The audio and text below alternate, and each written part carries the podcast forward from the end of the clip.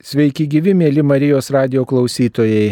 Gegužės mėnesį sveikiname jūs visus švenčiančius švenčiausiai mergeliai Marijai pašvestą mėnesį, nes visą gegužės mėnesį daug kur pasaulyje įprasta melstis rožinio malda arba gėdoti švenčiausiosios mergelės Marijos litaniją ir tai pagerbti Dievo motiną.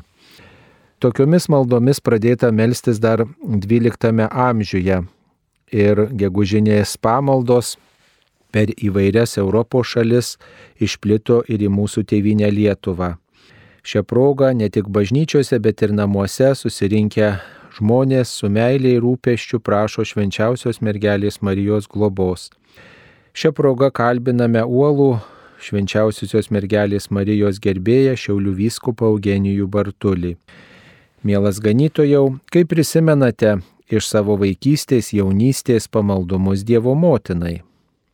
Man labai gera prisiminti jaunystę, kuomet mes su motina eidavome į šančių bažnyčią švęsti gegužinių pamaldų. Na, aš buvau mokinys ir mūsų namas yra prie Nemuno ir praeidavom visą tą gatvelę ilgą ir vaikai, jaunimas žaisdavo vakarais, o aš su mamytė skubėdavau į šančių bažnyčią švęsti mergeliai Marijai skirtų pamaldų, dalyvauti šventoje mišių aukoje ir prisiminti dangišką motiną Mariją su nepaprastai gražiomis giesmėmis ir litanija. Aišku, kai buvau vaikas, prisimenu, kad man truputėlį toksai kildavo tarsi pavydas, va, visi vaikai žaidžia, o aš turiu dabar eiti su motina į bažnyčią. Bet e, dabar, kai prisimenu, tai labai motina man parodė tą gražų į kelią į bažnyčią ir tas pamaldumas išliko iki šių dienų, kuris labai buvo mielas vaikystėje prisiminti dangiškąją motiną Mariją su nepaprastai gražiomis gesmėmis šančių bažnyčioje. Lietuvoje viena garsiausių Marijos šventovių Šiluvoje. Prisiminkite savo pirmasias keliones į Šiluvą. Prisimenu savo pirmąją kelionę į Šiluvą su broliu. Jis su savo automobiliu vežė mus kartu su mamyte į Šiluvą. Tai buvo pirmoji kelionė, kada aš pamačiau Šiluvą ir meldėmės Marijos apsireiškimo koplyčioje, ėjome keliais aplink šitą Marijos statulą ir dėkojame viešpačiui, kad galime pirmą kartą apsilankyti šitoje brangioje Šiluvos šventovėje. Tas prisiminimas išliko iki šių dienų ir buvo be galo miela, kada vis mane vesdavo motina šventumo keliu per Marijos užtarimą prie Jėzaus. Kas piligriminėje kelionėje yra svarbiausiai, ką reikėtų atlikti, kad kelionė būtų ne turistinė, o piligriminė? Piligriminėje kelionėje svarbiausia yra mūsų intencija, kokiu tikslu mes keliaujame. Aišku, Kiekvieną kartą važiuodami mes melžiamės. Šitoje piligriminėje kelionėje visuomet kalbame rožinį, gėdame giesmes ir dvasinėmis temomis kalbėdamiesi vis artėjame prie savo tikslo, į kurį važiuojame. Taigi kiekviena piligriminė kelionė reikalauja tam tikro nusiteikimo ir kada mes nuvykstame į vieną ar kitą šventovę, labai gera atlikti išpažinti ir kartu dalyvaujant šventoje mišių aukoje, jeigu tai įmanoma, priimti šventąją komuniją. Ne visuomet atvykdami į vieną ar kitą piligriminę kelionę mes susitinkame kunigą, dalyvaujame mišių aukoje, ne visuomet tai būna. Bet svarbiausia, kad piligriminėje kelionėje mes malda prisimintume vieni kitus ir lydėtume žemiško gyvenimo kelyje tuos, kurie dar nepažįsta Dievo, kad juos galėtume priartinti prie tikslo, prie dangaus, prie amžinybės. Kaip keičiasi mūsų tikėjimas po piligrimystės kelionių į Marijos garbiai pašvestas vietas? Na, kiekviena kelionė, ypatingai į Marijos garbiai pašvestas vietas, mums yra be galo brangi. Gera yra susitikti savo artimus žmonės ir su jais keliauti. Ne visuomet keliaujame su giliai tikinčiai žmonėmis, todėl nekarta grįžtant iš kelionių sužinome, jog vienas ar kitas žmogus giliau pažino viešpatį, labiau atsivėrė ir priartėjo prie Dievo. Tai kiekviena piligriminė kelionė palieka gilų įspūdį žmogaus širdyje, nes tai yra ne turistinė kelionė, bet piligriminė.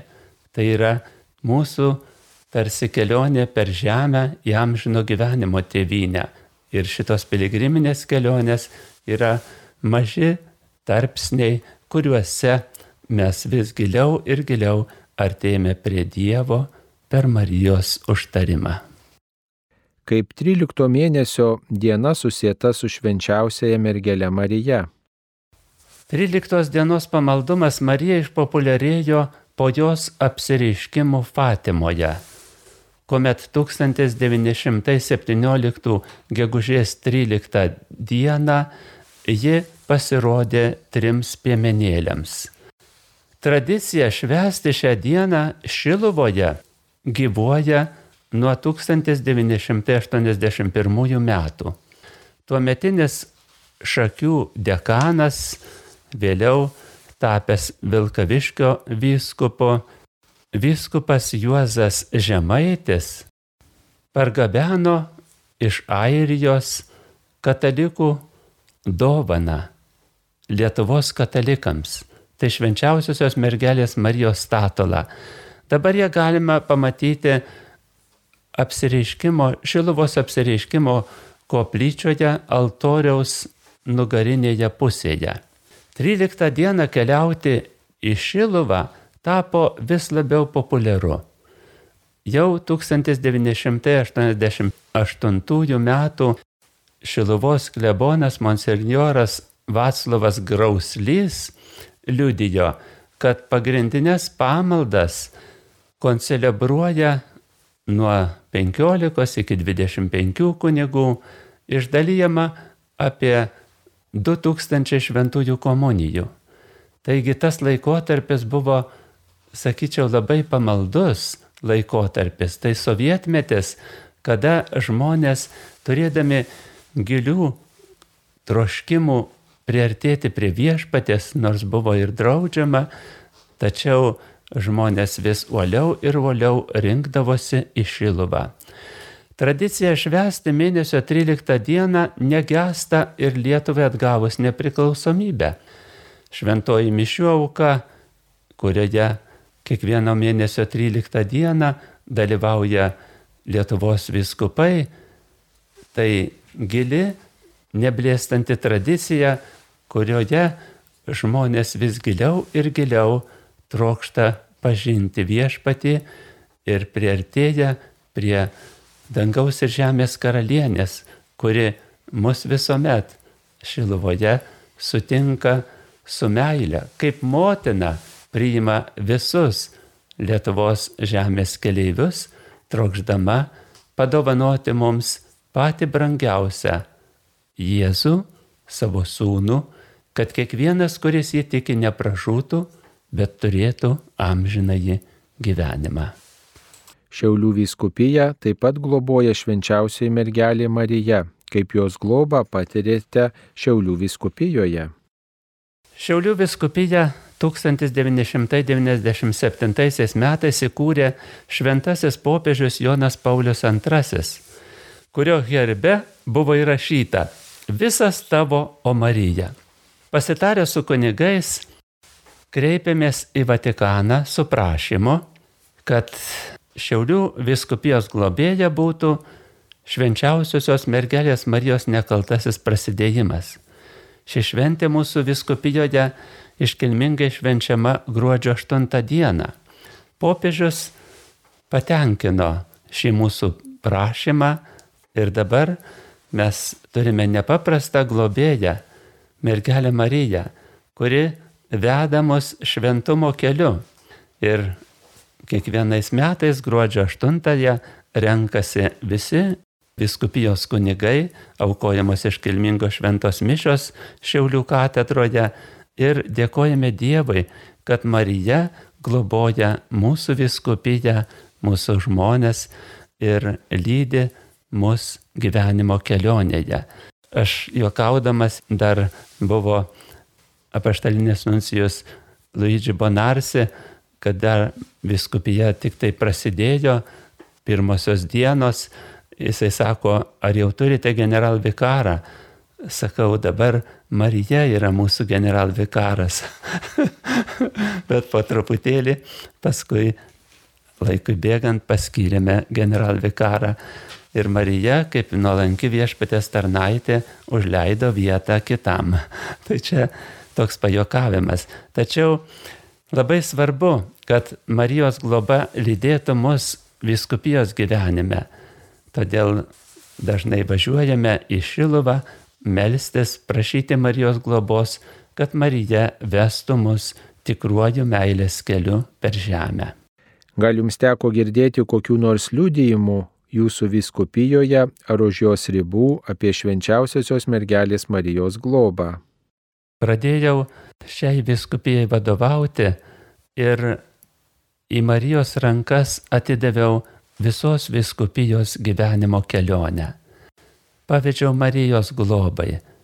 Sunkiai sprendėsi Šiaulių miesto pietinėme rajone bažnyčios klausimas, nes ten labai reikėjo bažnyčios. Nebaigti nuklono gamyklos kultūros namai, kurie nebuvo pritaikyti, aišku, bažnyčiai. Ir šiuos nebaigtus kultūros namus savivaldybė padovanojo mūsų viskupijai. Ir po truputėlį mąstėme apie naujos bažnyčios statybą. Kada atvykau, galvojau, kaip su šiuo nauju pastatu galima susigiminiuoti, susidraugauti ir iš jo padaryti bažnyčią, bet tai tiesiog buvo neįmanoma.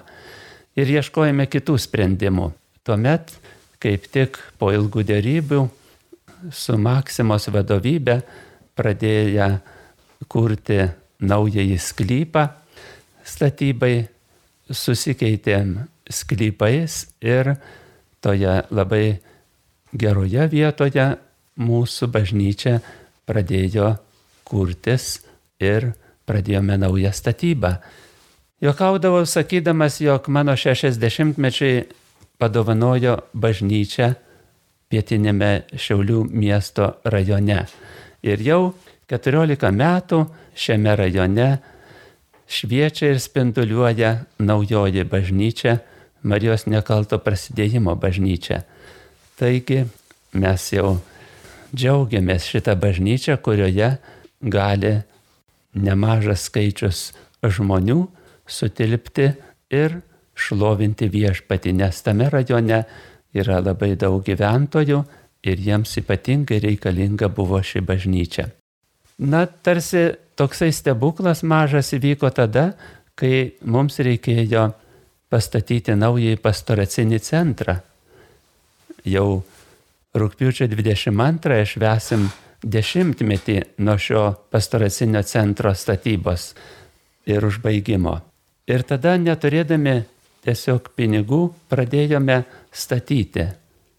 Ir Marijai pavedus visą šitą statybą, iš tiesų patyrėme nepaprastą Marijos globą ir baigėme šią statybą be jokių skolų ir atsirado daug geradarių, kurie mums padėjo šį nepaprastai reikšmingą pastatą pastatyti, kuriame įsikūrė visi pastoraciniai centrai, na ir pati kūrija kartu bendradarbiaudami visi vieni su kitais galime darbuotis Dievo garbiai naujose pastoracinio centro patalpose.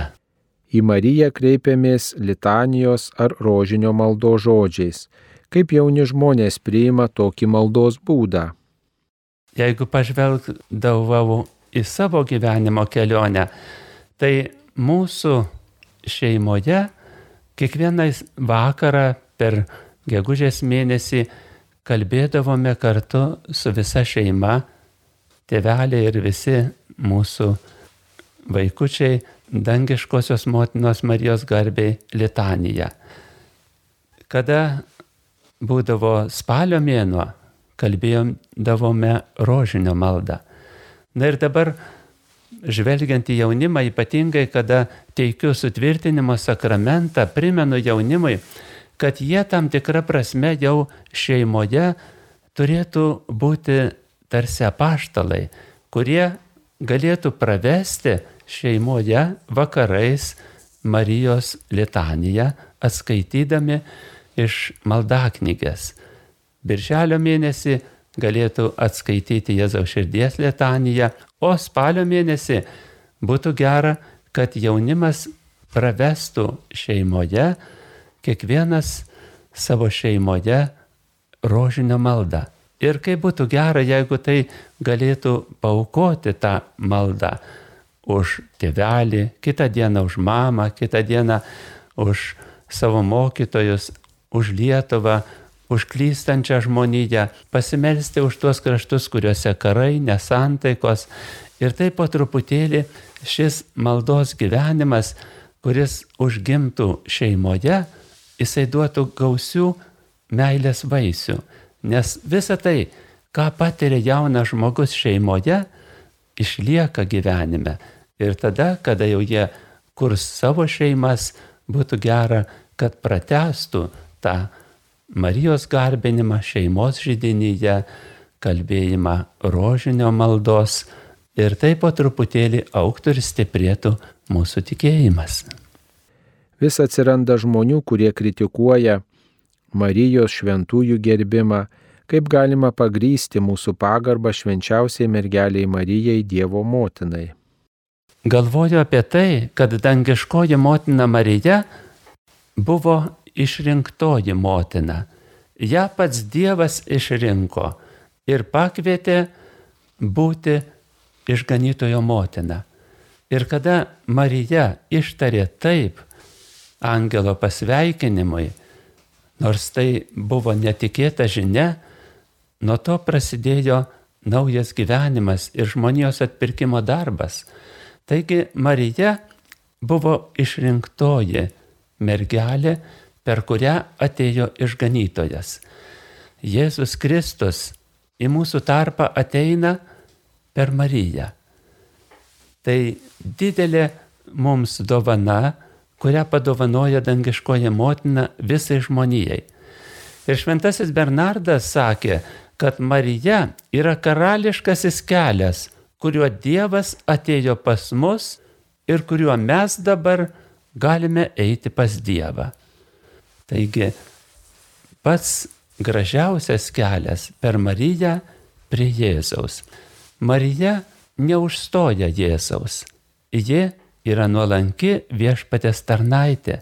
Ji tik tai vykdo dangiškojo tėvo valią, nuolankiai priimdama ir atsiduodama viešpatės globai.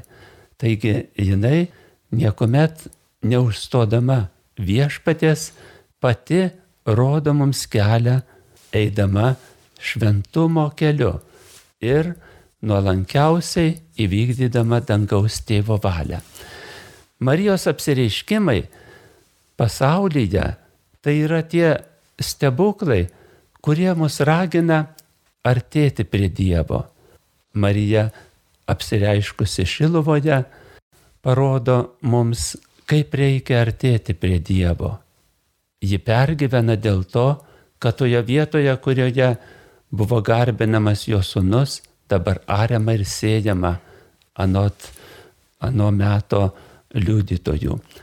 Ir dėl to mes turime dabar ypatingų būdų prisartinti prie Marijos, kuri mus ragina maldos gyvenimui, tiek apsireikšdama Lurde, Fatimoje ir kitose vietose, jie trokšta, kad būtų mylimas jos sunus ir prisartintume prie jo su mylinčios motinos pagalba. Tai yra eidami per Mariją prie Jėzaus. Dėl to mes visuomet galime drąsiai gerbti dangiškąją motiną Mariją, nes ją išsirinko pats Dievas. Todėl ir mūsų pagerbimas dangiškosios motinos Marijos turi būti atiduotas visas nuoširdus pagarbinimas tai, kuri yra išrinktoji dangaus ir žemės karalienė, mūsų brangi dangiškoji motina Marija, kuri veda mus prie Jėzaus jam žino gyvenimo tėvynę. Trumpai peržvelgime dangiškosios motinos Marijos pagerbimo tradiciją šeimoje, mūsų brangioje tėvynėje ir visame pasaulyje. Yra gera, kada Marija globoja ne tik tai mūsų viskupiją, bet ypatingai mūsų brangę tėvynę Lietuvą. O visa ta Marijos globa ypatingai jaučiama Marijos radijo bangomis.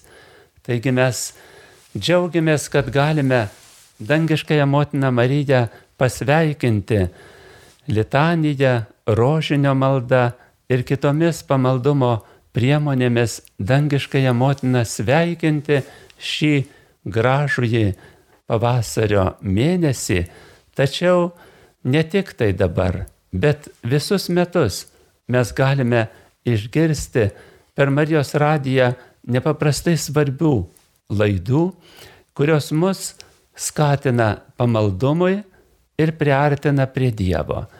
Taigi mes dėkojame Marijos radijo darbuotojams, vadovams ir savanoriams, kurie negailėdami savo laiko darbuojasi Marijos radijoje, kad galėtų radio bangomis pasiekti ne tik tai Lietuvoje gyvenančius žmonės, bet ir lietuvius, kurie yra toli nuo tevinės.